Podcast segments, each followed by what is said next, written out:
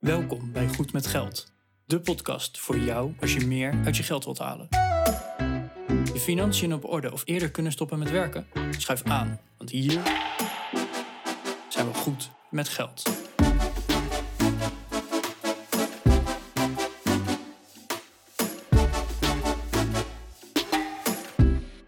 Aflevering 220 van de Goed met Geld podcast. Arjan hier door je speakers en ja, welkom bij de Goed met Geld podcast. Vandaag is vooral Bas aan het woord, want hij gaat het hebben over de Profit Time Index. Heel kort gezegd gaat het er eigenlijk gewoon om hoeveel verdient Bas per uur dat hij gewerkt heeft. Nou, dat kan je natuurlijk heel eenvoudig berekenen, want elk uur kan hij factureren. Hoop ik in ieder geval voor Bas, maar ja, ik kan je al vertellen, dat kan niet, want administratie kan je niet doorfactureren aan je klant. Dus uh, er zit een, een, berekening achter. Maar hoe kan je nou ook die profit time index ook verhogen? Want je kan meer uren werken, dan verdien je wel meer. Maar het verdiende geld per uur blijft om en nabij hetzelfde.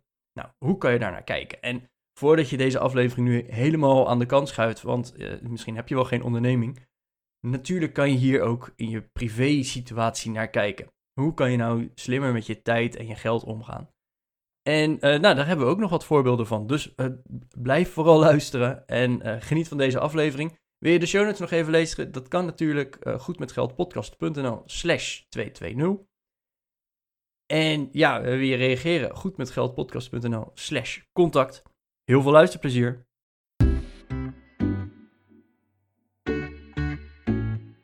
Goedemorgen Arjan. Nee Bas, Hey. hey. vorige keer hebben we het gehad over uh, parttime werken, fulltime werken en wat, uh, nou ja, wat daar consequenties van zijn. Uh, in tijd, in gemoedsrust, in geld, noem het maar op. Mm -hmm. we hebben het kort even gehad ook over hoe ik als ondernemer kijk naar parttime werken en of ik dat doe. Nou, dat doe ik niet, hè. dat heb je in de vorige aflevering als het goed is gehoord. sommige van mijn mensen werken wel parttime, dat vind ik prima. Um, maar wat hier denk ik wel leuk op aansluit, is het onderwerp van de Profit Time Index. ik heb daar eigenlijk recent iets over gehoord van een andere ondernemer. En daar heb ik al. jouw uh, kennende ben je dat dus nu helemaal uit gaan zoeken en uh, meteen implementeren tot de max. Uh, nou, dat, dat valt nog enigszins mee. maar, dat is work in progress. Ja, het heeft me wel aan het denken gezet. Want even okay. in de beeldvorming.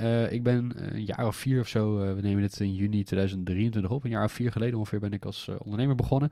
Ik ben eerst gewoon lekker gaan freelancen. En dan, ik ben gewoon mijn uurtjes voor geld gaan, gaan verkopen. Uh, nou, een uurtje extra werken, heb je een paar extra euro's. Heb je een uurtje minder werken, heb je een paar minder euro's. Ja. Dat was heel overzichtelijk. Hè? Ik had eigenlijk geen kosten. Ja, een softwareabonnementje hier en daar en een laptopje waar je op afschrijft. Maar ja, geen, geen wezenlijke kosten. Dus mijn omzet was praktisch ook mijn, uh, mijn winst. Ja. En in een eenmanszaak is de winst die je maakt je privé-inkomen ook. Uh, in een BV werkt dat iets anders. Zeker als je een beetje slim in je BV zit, heb je er twee minimaal. Eén BV is geen BV, zeggen ze voor de gein was. Uh, dus dan heb je een management BV of een holding BV uh, waar jij in loondienst bent. En dan heb je een onderliggende werk BV uh, die het werk uitvoert voor klanten. En hoe je dan naar je inkomen kijkt, is het niet van de winst is dan niet je inkomen, maar het is dan de winst van de werk BV plus de management fee die je elke maand aan je holding betaalt. Dat is dan je ondernemersinkomen. Ja. Dus ik, ik factureer elke maand vanuit mijn holding aan de werk BV. Namelijk voor de managementdiensten die ik lever aan mijn werk BV. dus dat is mijn maandelijks inkomen. Daarvan betaal ik mijn salaris en dat soort zaken. Uh, maar als het goed is, maakt de werkbv ook winst. En die twee bij elkaar, dat is dan je ondernemersinkomen. En de eerste paar jaren van mijn uh, ondernemerschap heb ik heel erg gekeken naar hoe kan ik dat inkomen nou maximaliseren. Nou, dat kan je op twee manieren doen. Als je als, uh, als kenniswerker uurtje voor uurtje werkt, kun je twee dingen doen. Je kunt meer uurtjes werken of je kunt voor hogere tarieven werken. Dat zijn, dat zijn praktisch even de twee dingen die, die je kan doen. Het is ja. een hele simpele P maal Q, hè? Price, price times quantity analyse. Ja, dus of gewoon inderdaad uh, meer en harder werken of gewoon uh, meer vragen. Ja. En dan, uh, dan wordt je winst verhoogd. In dat, zijn, dat zijn de twee knoppen waar je aan kunt draaien in feite. Ja, want ja. kosten verlagen was voor jou nog niet echt een optie. Als je geen kosten hebt, dan valt er weinig te verlagen, ja. Nee, maar kijk, stel je vindt het heel belangrijk dat je een bedrijfspand hebt en je hebt een of andere dure villa geregeld als bedrijfspand, dan zou je daar nog op kunnen bezuinigen. Ja, dan zou je kunnen zeggen van nou, dat gaan we niet meer doen. We gaan ergens anders huren waar het heel goedkoper is. En dan bespaar je daarmee nog een keer een bepaald bedrag elke maand. Dan gaat je daarmee je inkomen omhoog. Ja, ja dus dat, dat zou nog hè, kunnen zijn. Dat je, of, of, je gaat zuiniger met je gereedschap om. Zou bijvoorbeeld een, uh, een optie kunnen zijn. Ja, bijvoorbeeld. Hè? Of je rijdt uh, een minder dure auto of uh, weet ik veel. Je gaat met de fiets of nou goed, whatever. Maar als je geen kosten hebt en je, je verkoopt je tijd, dan, dan kun je twee dingen doen. Je kunt meer tijd verkopen of je kunt je tijd duurder verkopen. Ja. Nou, dat, dat, dat maximaliseert dan je inkomen. En daar heb ik de eerste paar jaren aan gewerkt. Waarom? Je wil een buffer opbouwen, je wil inkomen gaan genereren. ik vind mijn werk leuk, dus ik vind niet erg om wat meer te werken. En nou ja, ik ben ook niet vies van een paar euro's. Ik ben best wel, best wel commercieel. Dus dan, dan doe je dat. Maar ja, dat is op een gegeven moment niet meer schaalbaar. Als je verder wil groeien dan alleen maar freelancen, en dat doe ik inmiddels. Hè. Ik heb wat collega's om me heen verzameld. En we bouwen software. En nou, het is een iets. Het is nog steeds geen groot bedrijf hoor. Maar het is een iets serieuzer bedrijf geworden dan alleen maar het freelance werk dat ik deed. Ja, als je dat verder wil schalen, dan moet je op een gegeven moment gaan nadenken over hoe efficiënt run ik mijn bedrijf. Niet over hoeveel geld haal ik nou binnen, maar wat moet ik allemaal doen om dat geld binnen te halen. Dat is eigenlijk een, een veel belangrijker item in je, in je aansturing. Omdat je daarmee meer schaalvoordeel kan creëren. Ja, want je kan inderdaad wel zeggen van hé, hey, uh, tuurlijk, je kan nog steeds de tarieven verhogen, maar je kan moeilijk tegen jouw werknemers zeggen, hé, hey, ik wil dat je in plaats 40, 50 uur gaat werken. Ja, dat, dat gaat niet. Dat gaat simpelweg niet. Nee, plus, dus je kan ze niet meer verkopen. Plus, als het goed is, maak ik op een werknemer winst. Ja, want de deal is als volgt. Eh, ze krijgen een salaris en een bonus en een auto en een pensioen en weet ik allemaal. En ik zet ze weg op projecten bij de klant. En als het goed is betaalt die klant mij meer dan dat ik mijn mensen betaal. Anders dan werkt het bedrijf niet. Dan, dan klopt er iets niet. Dus, dus een nieuwe medewerker die moet een stukje marge opleveren.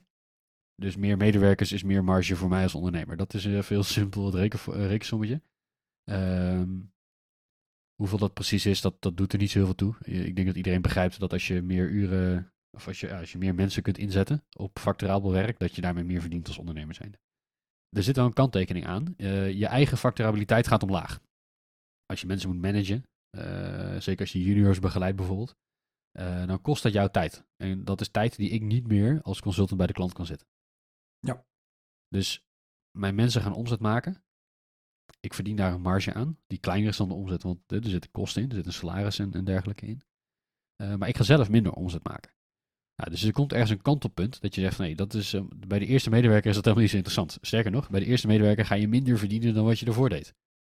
Want okay. het, kost jou, het kost jou meer aan gemiste omzet dan dat het je oplevert aan margebijdragen die die medewerker voor jou genereert. Ja, en, en zeker als het dan een, een, junior is. Kijk, als het een zeer ervaren iemand is, dan... Uh, ja, die is wat zelfstandiger dan. Ja. ja dan, dan, kost het je minder tijd, kan je zelf gewoon lekker bij de klant blijven zitten. Maar inderdaad, als je daar meer tijd aan moet gaan besteden. En je krijgt op een gegeven moment, niet alleen het begeleiden, maar je krijgt meer uitzoekwerk, meer administratief werk, meer van alles en nog wat. Hè. Er, er, komt best wel wat uh, inefficiency bij in je bedrijf als je mensen gaat aannemen. Uh, niet voor niets hebben heel veel bedrijven die wat groter zijn een HR-afdeling die zich met dit soort onzin bezighouden. Niet dat HR-professionals zich alleen met onzin bezighouden, maar voor mij als ondernemer wil ik me er eigenlijk niet mee bezighouden. Dat is het meer. Alleen ja, voor één medewerker, het kan ook niet uit om dat te gaan zitten uitbesteden. Wat je op een gegeven moment gaat zien, is dat als je meer mensen gaat aannemen, dan ga je een schaalvoordeel creëren. En dan kost het jou nog steeds tijd. Maar ja, dan gaat er meerdere keren gaat er een marge opgebouwd worden. Gaat je ondernemersinkomen omhoog. En wat de Profit Time Index ons vertelt, en ik denk dat dat een hele leuke is voor ondernemers die luisteren. Ik heb hem ook maar gejat van een andere ondernemer hoor. Uh, ik heb dit zeker niet zelf bedacht. Uh, maar het heeft wel mijn ogen geopend van hoe kijk je nou naar de sturing van je bedrijf. En hoe kijk je nou naar je inkomen. Toch even de link naar personal finance te leggen als je ondernemer bent met een bedrijf. Um, en en hoe, hoe, hoe kijk je dan naar de schaalbaarheid van je inkomen ik zou nog kunnen zeggen van nou, ik ga meer uren voor de klant werken. En dan gaat mijn inkomen omhoog, want dan ga ik meer omzet maken. Daar zijn niet per se meer kosten tegenover, want ik betaal mijn management fee al. Uh, dus, dus gaat mijn winst omhoog, dat klopt. En daar mijn ondernemersinkomen. Maar ja. dat is niet zo heel schaalbaar. Dat houdt een keer op. Ik kan 40 uur werken, 50 uur werken, 60 uur werken. Het houdt een keer op. Op een gegeven moment dan val je neer. Dus dat is niet de oplossing. Wat is nou wel de oplossing? Is zorgen dat je leverage gaat krijgen op iemand anders zijn tijd. We, we, we, weten allemaal hoe leverage op geld werkt. Je leent geld van iemand voor een bepaalde rente.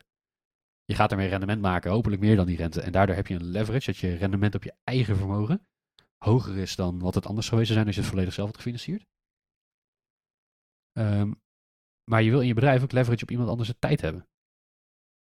Die is op zich wel logisch, denk ik. Hè? Als je mensen werk mhm. laat uitvoeren voor een tarief dat lager is dan je eigen tarief, dan heb jij minder tijd en verdien je wat meer. Uiteindelijk, je gaat min, minder euro's verdienen. Hè? Op het moment dat je werk uitbesteedt, gaat dat je geld kosten. Dus je winst gaat omlaag. Maar ja, de tijd die er is, gaat ook omlaag. we hebben een hele simpele breuk met een teller en een noemer. De teller is je inkomen, de noemer is het aantal uur dat je voor dat inkomen werkt. Ja, als je de, uh, de, de teller van de breuk een klein beetje omlaag brengt en de noemer heel veel omlaag, gaat je effectieve uurtarief natuurlijk omhoog. Dat is een vrij, uh, vrij simpel reeksommetje. Ja. En dat maar is wat dit, de profit... dit is nog best wel theoretisch, Bas. Dus uh, kan je hier een voorbeeld Ja, van noemen? Even een heel concreet voorbeeld. Um, we gaan geen echte bedragen noemen. Dat, daar zie ik het voordeel niet van in. Het gaat namelijk niet om de echte bedragen. niet en, nodig, uh, nee hoor. Nee, de ene ondernemer zal, uh, weet ik veel, 80 euro verdienen, de andere 100 en de andere 200. Uh, noem maar even wat. Hè. Dus, dus de echte bedragen doen er niet toe.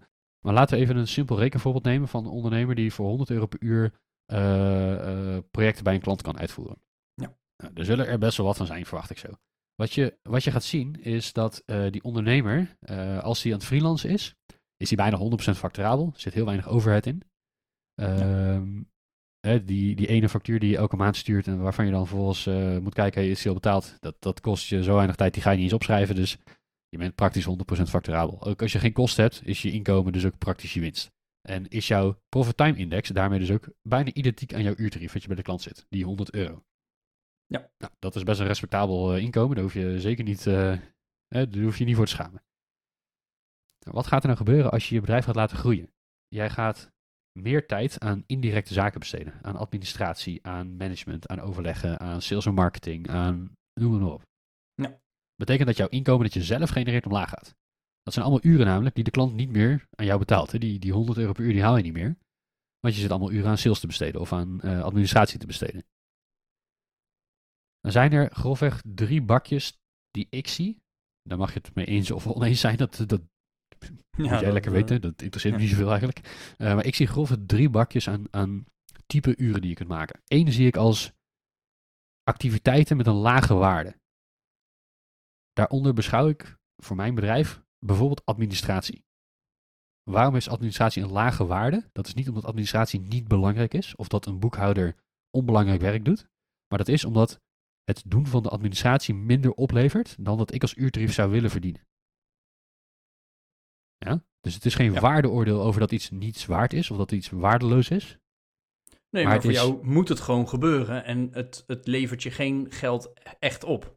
Nee, het is heel simpel. Een jurist die 500 euro per uur kan verdienen, die gaat echt niet zelf zijn klanten nabellen van heb je al betaald. Nee, daar heb je Nee. iemand voor, een, een personal assistant, een virtual assistant, whatever. Iemand die minder verdient dan jijzelf.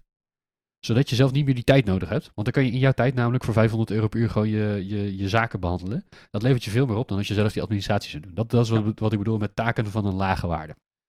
Eh, dat, dat is het eerste bakje. Nou, er zit bijvoorbeeld een administratie in. Maar bijvoorbeeld ook heel veel uitvoerend werk aan de marketingkant. Het schrijven van teksten, het editen van podcasts. Nou, noem het allemaal maar op.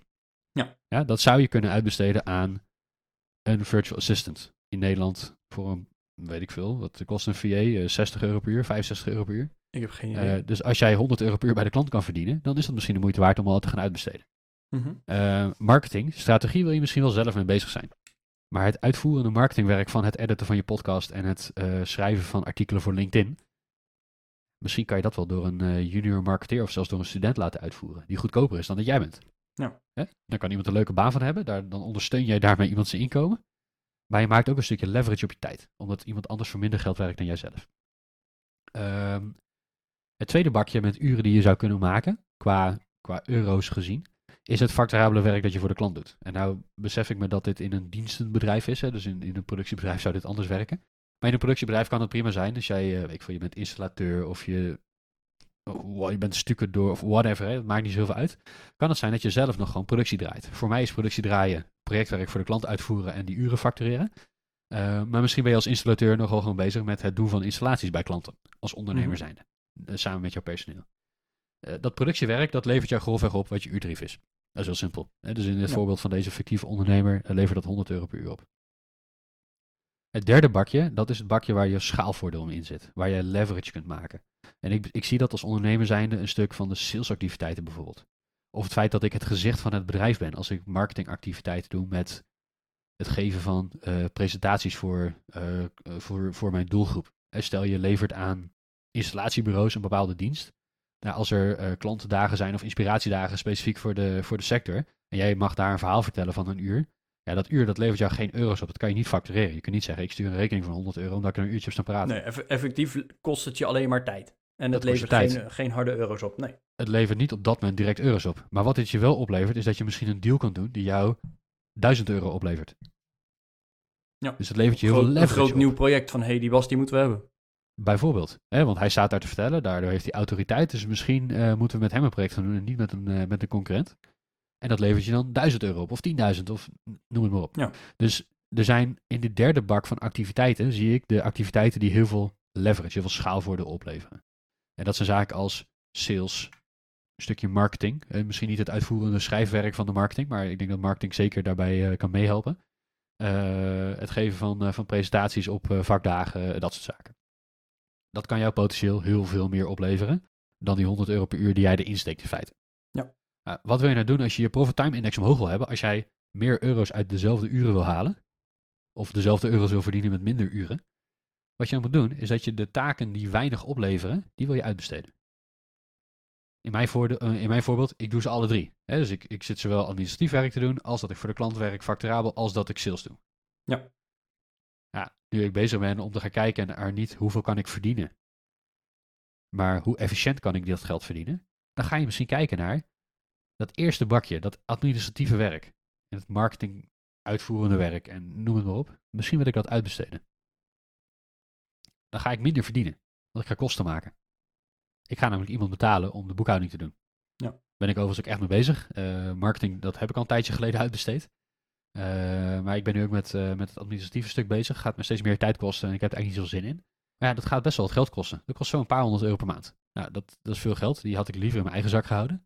Als ik kijk hoeveel tijd ik daarmee vrij speel, dan zie je dat je profit time index omhoog gaat. Met andere woorden, ik kan in minder uren bijna net zoveel verdienen. Niet evenveel verdienen, want ik ga wat kosten maken, maar ik kan in, in veel minder uren bijna net zoveel verdienen. Mijn PTI gaat omhoog.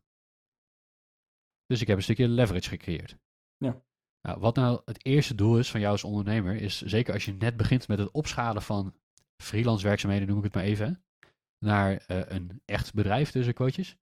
Eh, freelancers hebben ook een echt bedrijf, dus nogmaals geen waardeoordeel, maar als je wat opschalen naar een bedrijf met personeel, met producten, met Ja, whatever. maar gewoon een groter bedrijf. Dat je gaat Ja, groeien. dat- Ja. dat, je gaat je meer ellende op de hals halen. Hè? Het kost stress, je moet mensen aannemen, je moet ze gaan managen. Misschien vind je dat wel niet leuk, misschien wel, maar eh, het gaat dan ook van meer romslomp met zich meebrengen dan dat jij gewoon lekker met je laptopje bij de klant zit te werken.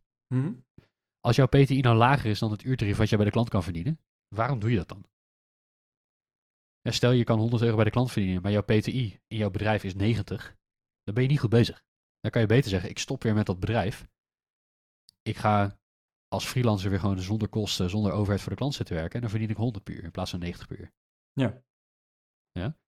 Dus dat is eigenlijk de eerste die je wil, je wil halen. Als je zegt van ik heb een bepaald verkooptarief, een bepaald uurtarief dat ik bij de klant kan halen. Ja, jouw PTI moet daarboven zitten. Want anders dan heb je niet genoeg efficiency in je bedrijf zitten. Niet genoeg leverage van iemand anders de tijd om een winstgevend bedrijf te runnen.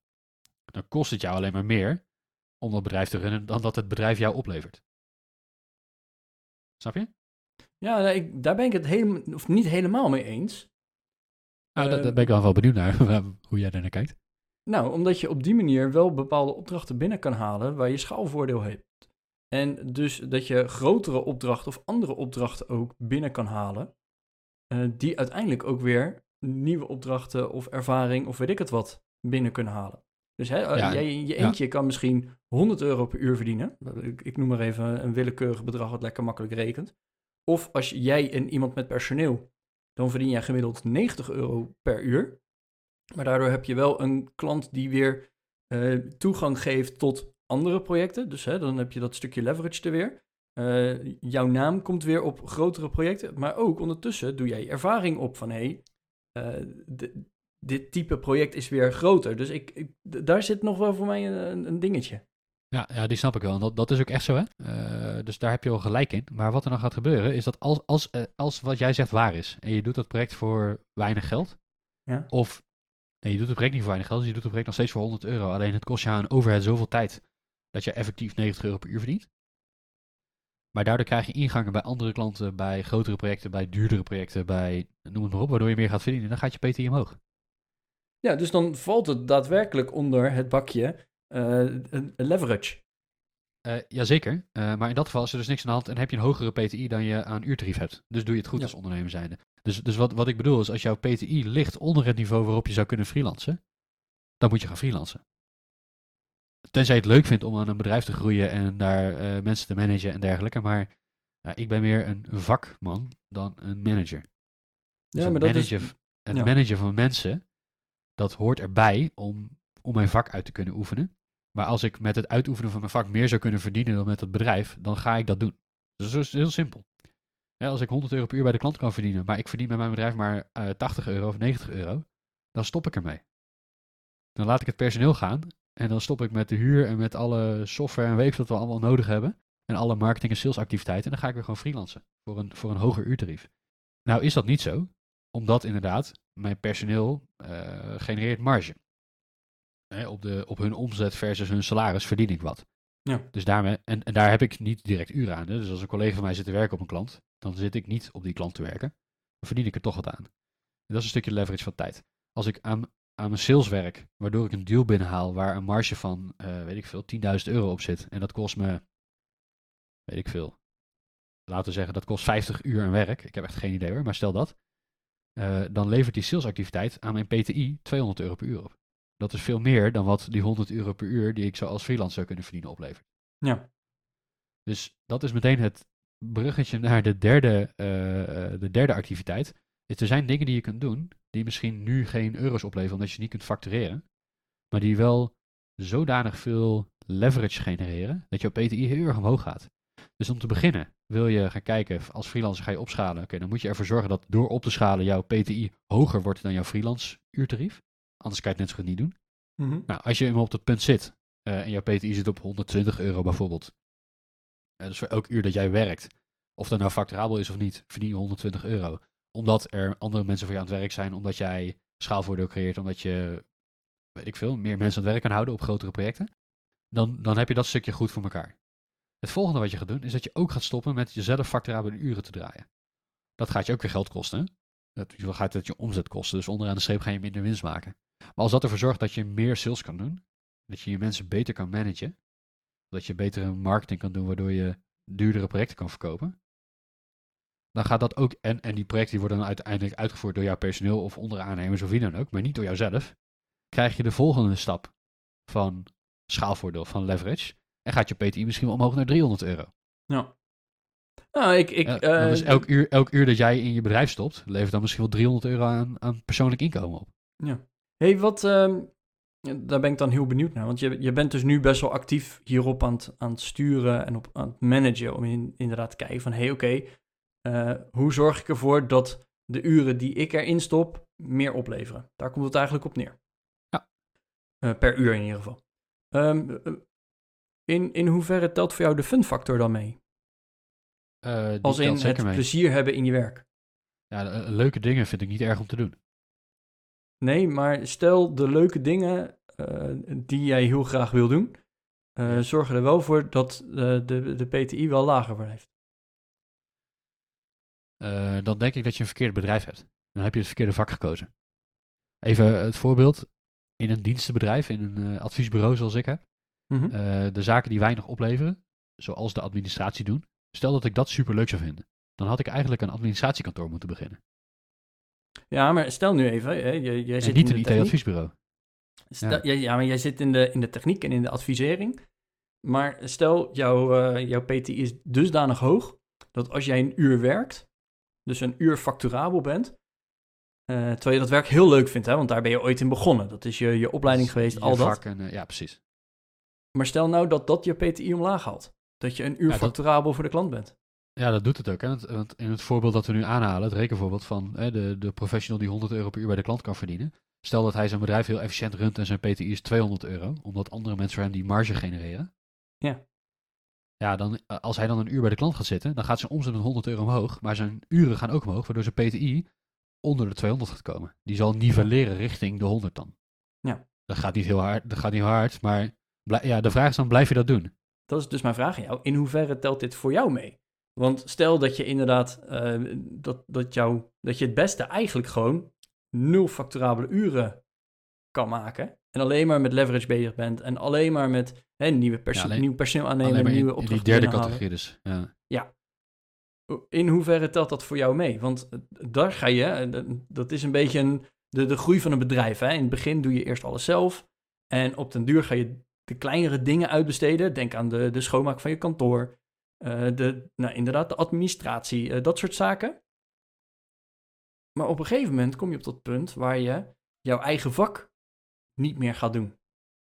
Omdat Wat- dat gewoon Wat dat dan te weinig oplevert. omdat het te weinig, of tenminste eh, naar PTI, hè, want in principe je krijgt gewoon ervoor betaald. Dus het is niet dat het te weinig oplevert, maar naar verhouding levert het weinig op.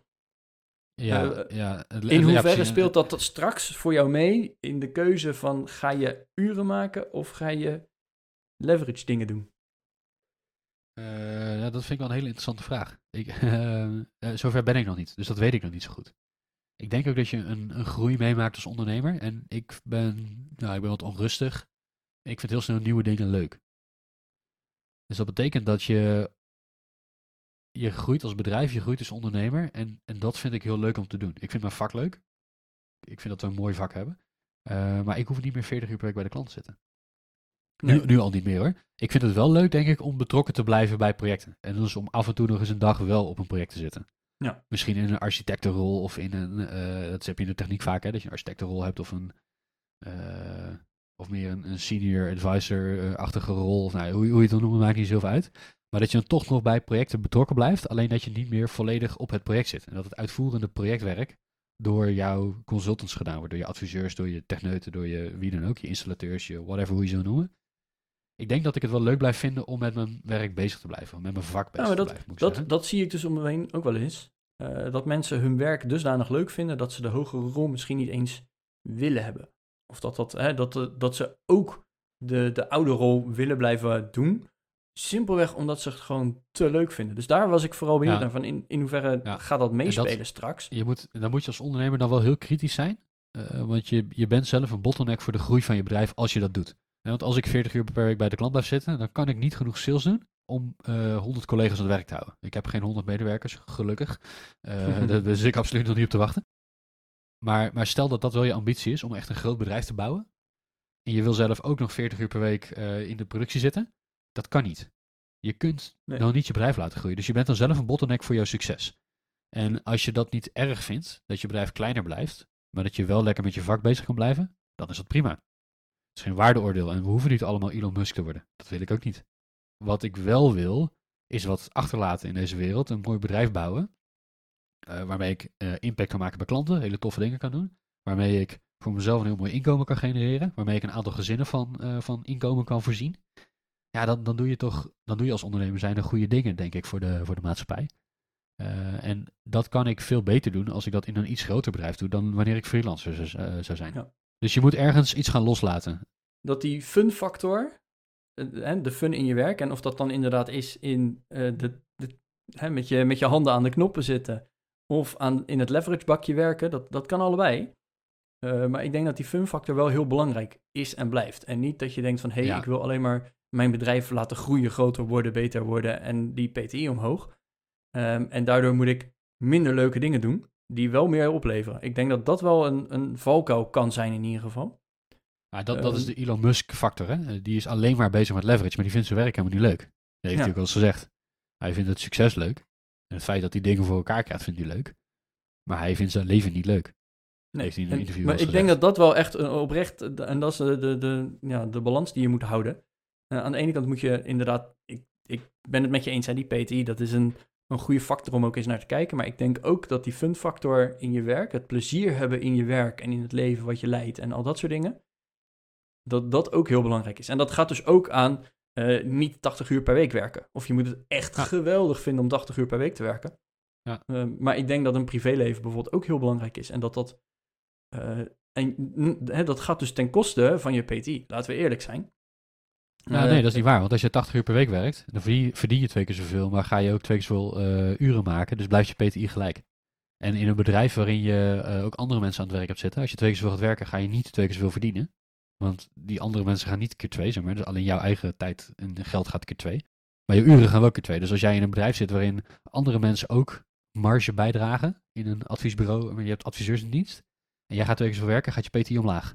Dus ik denk Ja, maar stel dat je door, die, door dat twee keer zoveel werken wel twee keer zoveel opdrachten binnenhaalt. En dat dus ook nodig Ja. hebt om iedereen aan het werk te houden. Hè, in, in Ja, dan- dat, dan, Maar goed, Dan ben je niet goed bezig. Ja. ik, ja, ik denk dat je daar...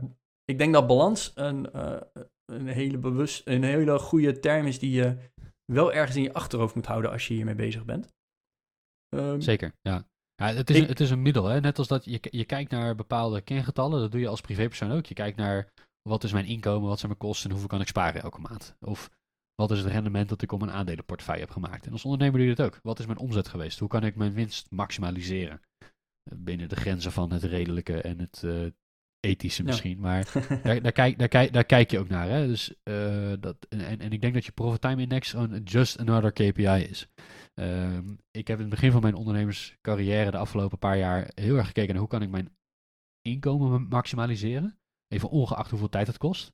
En dan zie je dus, hé, hey, ik ga meer werken, ik verdien meer. Ja, Ja. logisch. Eh, maar, maar nu kom je op een punt dat als ik meer ga werken, dat dat maar een heel klein beetje bijdraagt aan de winstgevendheid. En dan kan ik beter andere dingen gaan doen. Waardoor Nee, ik niet eh, mezelf aan het werk kan houden, maar waardoor ik vijf anderen aan het werk kan houden. Of tien anderen, of twintig ik, eh, anderen. ik moest hiermee ook meteen denken aan het, eh, aan het Pareto-principe.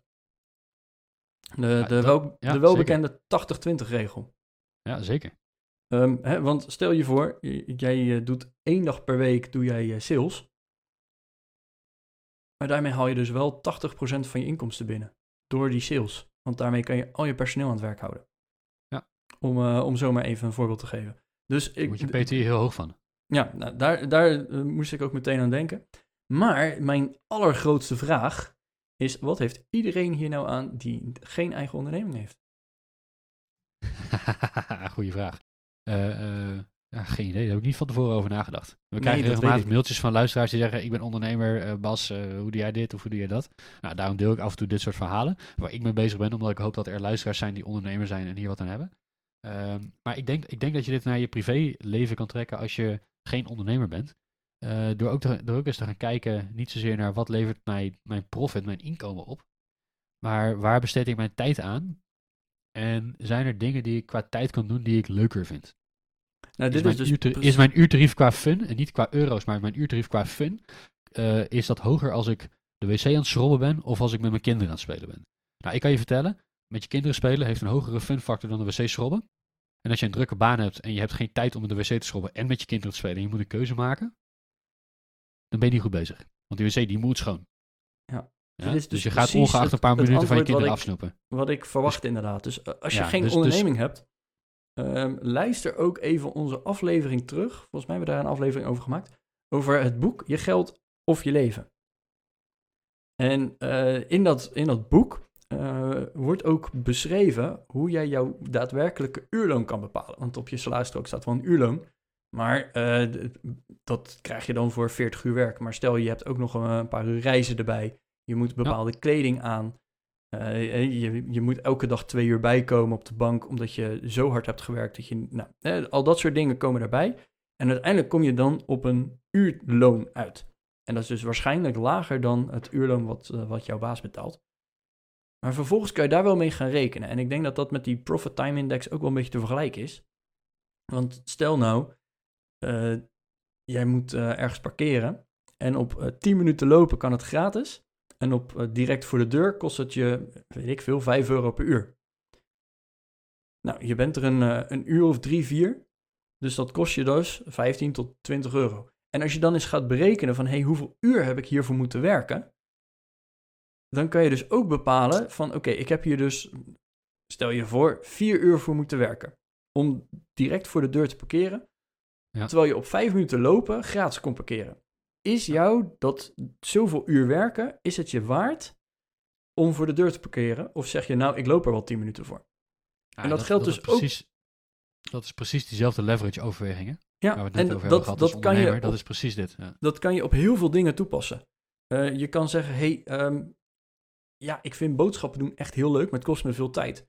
Hoeveel kost het je nou daadwerkelijk om boodschappen bijvoorbeeld te laten bezorgen? Wat, wat zijn de boodschappen duurder dan en wat kost die, die meneer of mevrouw die de boodschappen komt brengen? Wat kost het je en wat levert het je in tijd op? En is het je dat waard? Hoeveel uur had je daar bijvoorbeeld voor moeten werken, eventueel? Dus eh, je- je legt er geld extra op in, maar daarmee hou je wel tijd over. En hoeveel uur van de gewerkte uren moet je daar dus aan besteden? Maar dat kan ook al zijn, en dat is misschien wat controversiële, eh, kinderopvang Want hè, kinderopvang kost best wel veel geld. Zeker als je, als je niet heel veel kinderopvangtoeslag krijgt. Wat gaat het je opleveren op het moment dat je je kinderen niet naar de kinderopvang doet? Hè, dan heb je geen inkomsten, want je, moet, je, je kan niet werken op dat moment. Maar het scheelt je ook wel heel veel geld. En wat vind je dan meer waard? Uh, dat zijn allemaal van die berekeningen die je daarop toe kan passen. Uh, van inderdaad een schoonmaker, kinderopvang, uh, boodschappen laten bezorgen, de, de tuin laten doen. Nou, weet ik het. allemaal dingen waar je dit principe toch ook in je privéleven toe kan passen. Want het gaat er uiteindelijk om hoeveel tijd moet ik ergens insteken en hoeveel levert het me op? Of hoeveel kost het me? Want Bas, ja. uh, inderdaad, jij zegt al, stel, hè, weer zo'n voorbeeld. De profit time index is 120 en jouw facturabele uren is 100. Dan kan je dus beter een uur minder werken. Want dat, het kost je effectief die 20 euro. Maar voor hetzelfde geld ja. vind je dat werk heel leuk. En zeg je, ja, maar ik wil wel graag betrokken er ook bij blijven. Ik vind het heel leuk om te doen. Dus dat heb ik er dan voor over. Dan werk ik liever een paar uur in de week uh, gewoon aan, aan klussen, lekker aan de knoppen draaien, lekker in de techniek, omdat ik dat ook gewoon heel leuk vind. En uh, daarmee kan ik ook weer meepraten, al dat soort dingen. Ja. Dan kost het je aan de ene kant geld, maar aan de andere kant levert je je ook weer die fun op en levert je de, die voldoening op die je op andere punten misschien niet kan halen.